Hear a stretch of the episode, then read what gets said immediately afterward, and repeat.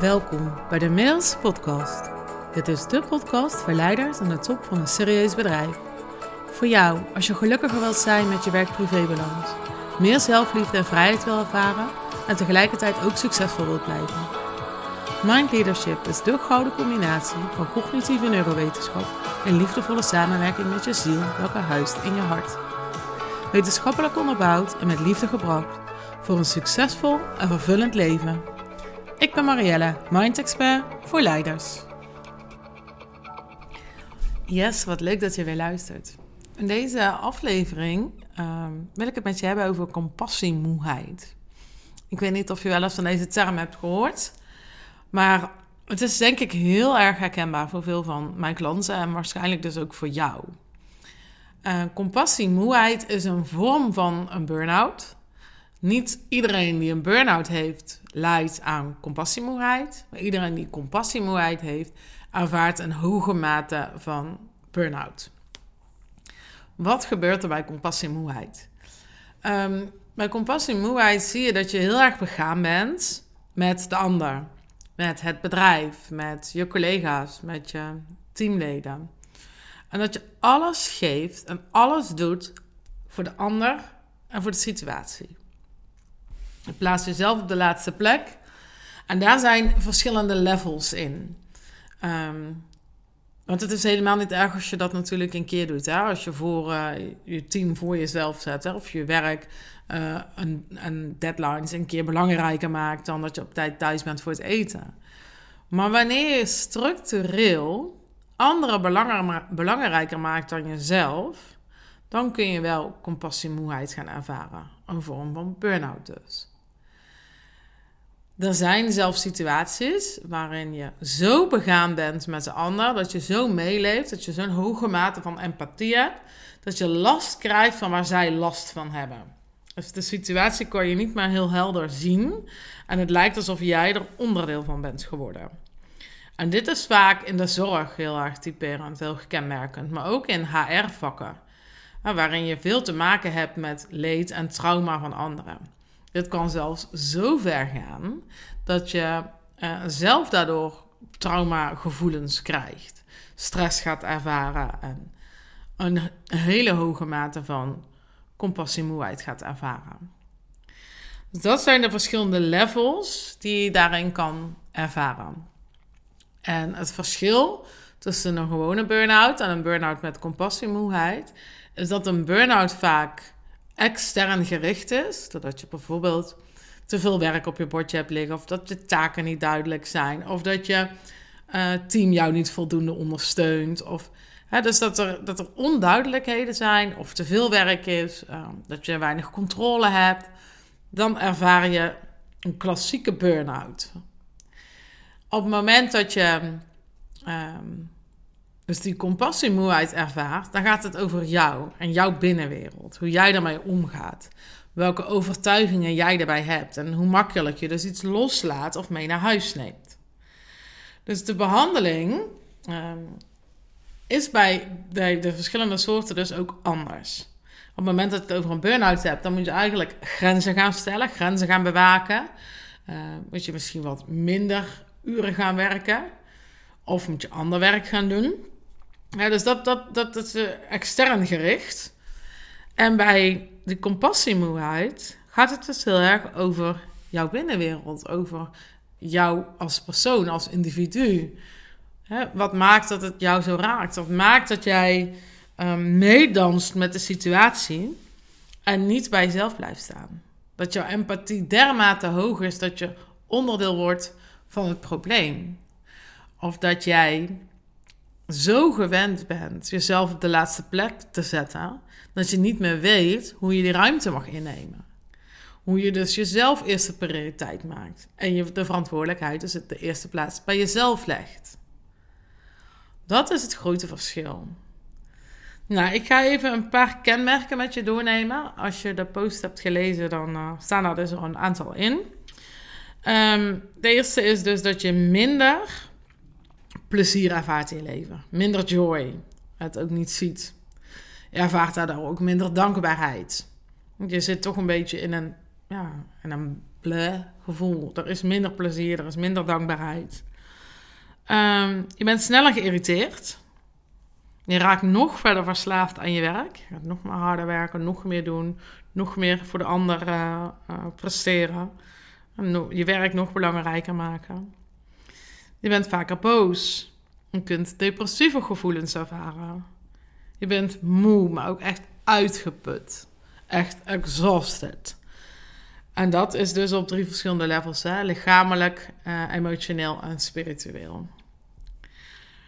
Ja, je gaat schuld zoeken. Je praat over schuld. Van het is de schuld van die. Hè? Of het nou de persoon uh, in kwestie is, of de problemen van die persoon. Of je legt het bij jezelf neer. Maar je hebt het over schuld. Dat zit heel erg aan de, aan de lage energiekant. Um, het kan zijn dat je slechter slaapt. Het kan ook zijn dat je onzekerheid ervaart over jezelf. Tegelijkertijd heb je hele hoge verwachtingen van jezelf. Dus je legt de lat voor jezelf super hoog. wordt alleen maar uh, veel eisen voor jezelf, waarbij je steeds minder ruimte inneemt. Je wordt hoger gevoelig en ook wat achterdochtiger. Doordat je in die lage energie zit van, van schuld en depressieve gevoelens, word je ook achterdochtiger. Je kunt fysiek meer hoofdpijn ervaren. En je ervaart dus, dus een, een situatie waarin je de balans niet meer goed kan opmaken tussen wanneer is het nu goed om hier empathisch te zijn en even door te buffelen. Er wat extra werk doorheen te duwen of even opkomen voor je team. Tot wat is nu echt waar hier? Hoe objectief kan ik deze situatie beoordelen? En wat wordt er nu van mij als leider gevraagd? Dan neem je echt een leiderschapspositie en kan je objectief op een situatie kijken. Nou, dat gebeurt dus niet wanneer je die compassie-moeheid ervaart. Dan word je steeds minder scherp. Je wordt wat, nou, laks is niet het goede woord, maar het raakt je wat minder. Want dat is wat compassie-moeheid doet. Je, je raakt dus die compassiegevoelens, de empathie, raak je een beetje kwijt. Je wordt mm, ja, niet apathisch, maar die kant gaat het wel op. Het raakt je allemaal wat minder.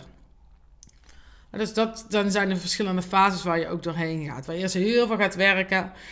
Probeert om uh, de situatie te redden, of iedereen te zijn. Dat je zo uitgeput raakt. Um, ik teken nu een golf met mijn handen. Dat je zo uitgeput raakt. Dat je dat niet meer kan opbrengen. Dat je gewoon wel door blijft gaan. Maar daar dus een soort flatliner in ervaart. Van die depressieve gevoelens op zoek naar schuld, um, geen ervaring of geen joy-ervaring hebt. Wat er dan ook vaak gebeurt, is dat je in een soort isolement raakt. Dat is bij burn-out ook zo. Jouw wereld, jouw binnenwereld, speelt zich daardoor vooral af in je hoofd. Je komt in zo'n thinking-feeling loop die niet positief is, die geen hoge energie uitstraalt. Maar waar jij onzeker bent over jezelf, over de situatie, omdat je gewoon geen energie meer hebt. Je bent emotioneel en lichamelijk en spiritueel uitgeput. Dat is wat compassiemoeheid doet. Je wordt afgevlakt, je emoties worden afgevlakt. Nou, en als je dus hier kenmerken van herkent bij jezelf, en dan, dan kun je dus in de verschillende stadia verkeren. Hè? En, en afhankelijk dus van in welke branche je werkt, ja, kom je er meer of minder mee in aanraking. Maar ik denk dat de meeste leiders wel herkennen dat ze te weinig persoonlijke ruimte innemen. En vooral functioneren voor het bedrijf, uh, voor teamleden, voor personeel. Ja, en daarnaast ook een goede man thuis willen zijn, of vrouw. Dus er zijn verschillende gradaties in. Het enige is waar je echt voor moet waken, op het moment dat je dus die um, warning signs herkent, die ik je net heb opgenoemd, dat je dan wel pas op de plaats maakt. En dat je uit die negatieve thinking feeling loop komt. Want er is ook een positieve thinking feeling loop. Maar als je daar wat verder in zit, dan herken je die niet. Zoals ik al zei, hè, die emoties vlakken af, je dankbaarheid zwakt af, je joy zwakt af. Dus ik wil je dan uitnodigen om echt naar binnen te gaan.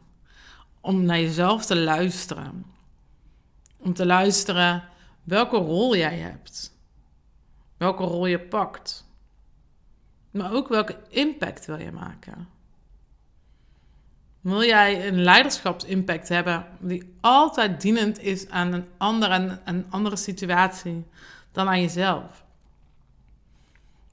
hoe inspirerend is het voor je omgeving, voor je dierbaren, dat jij jezelf de laatste plek zet? Want dat is wat je hen dus ook leert, hè? En hoe inspirerend zou het zijn wanneer je wel eerst jezelf prioriteit maakt? Dan denk je niet dat je dan daarmee een veel grotere inspirator bent. Ik uh, lees veel, hè. En uh, mijn man die doet op dit moment een um, executive MBA. Er zit heel veel coaching in. Ik pik al zijn leesboeken in. en de volgorde die zij daar aanleren, qua leiderschap, qua um, impact, qua prioriteit, verantwoordelijkheid, is eerst me, dan we, dan work en dan world. Me, we, work, world. En wij zijn zo geneigd om eerst het work neer te zetten, dan de we en dan de me. En dan hebben we het verlangen om nog grotere impact op de wereld te maken, maar daarvoor heb je gewoon geen energie meer. Dan is het gewoon op, het kaarsje gaat uit. Terwijl als je de volgorde aanhoudt van me, we, work, world, dan je, zet je eerst jezelf op één. Daar doe je de energie op. Daar zit je intuïtie, inspiratie, je creatiekracht. En die zet je door naar wie.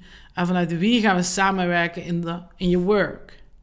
En met jouw werk beïnvloed je de world. En dat is wat jij wil doen als ondernemer. Dat is waarom jij doet wat je doet als leidinggevende. Dat is jouw passie. Jij hebt het verlangen om iets groters teweeg te brengen. Als je gewoon alleen maar van half negen tot vijf, uh, twee dagen in de week, uh, uh, je bijdrage financieel wil leveren, dan luister je niet naar deze podcast. Jij bent hier omdat je iets te doen hebt wat groter is dan jezelf. En dat zet je op één. Maar ik wil je uitnodigen en aanmoedigen om te gaan werken volgens Me, We, Work, World. Ik heb een mooie weggever voor je gemaakt, daar heb ik al eerder aangekondigd. Dan kun je nu downloaden vanaf de website. Um, daar, daar staan twee eenvoudige tools in, technieken, om je brein en je hart met elkaar in balans te brengen. Om fysiek en emotioneel de verbinding te herstellen. En er staat wat tekst en uitleg in, want ik vind wetenschappelijke onderbouwing super belangrijk. Dus ik leg je wat uit over neurowetenschappen, zodat je snapt waar de technieken vandaan komen. Zodat je er ook echt wat mee kan doen. Als je snapt hoe het werkt, ga je het vaker toepassen. Dus ik wil je uitnodigen om die te downloaden. En ehm, daar zitten ook audio's bij, zodat je de tools en technieken onder mijn begeleiding kan doen. Het zijn geen meditaties, het zijn gewoon kort ingesproken audio's waarop de techniek uitleg aan je. Zodat je instant die verbinding tussen je hart en je hoofd kan leggen. En in jouw hart, daar zit compassie. En dat is precies het medicijn tegen compassieloosheid, tegen compassievermoeidheid tegen de flatliner op emoties. Dus ik wil je uitnodigen dat wanneer je jezelf herkent, een aantal van deze symptomen, of je nu aan het begin of aan het einde bent, luister naar jezelf.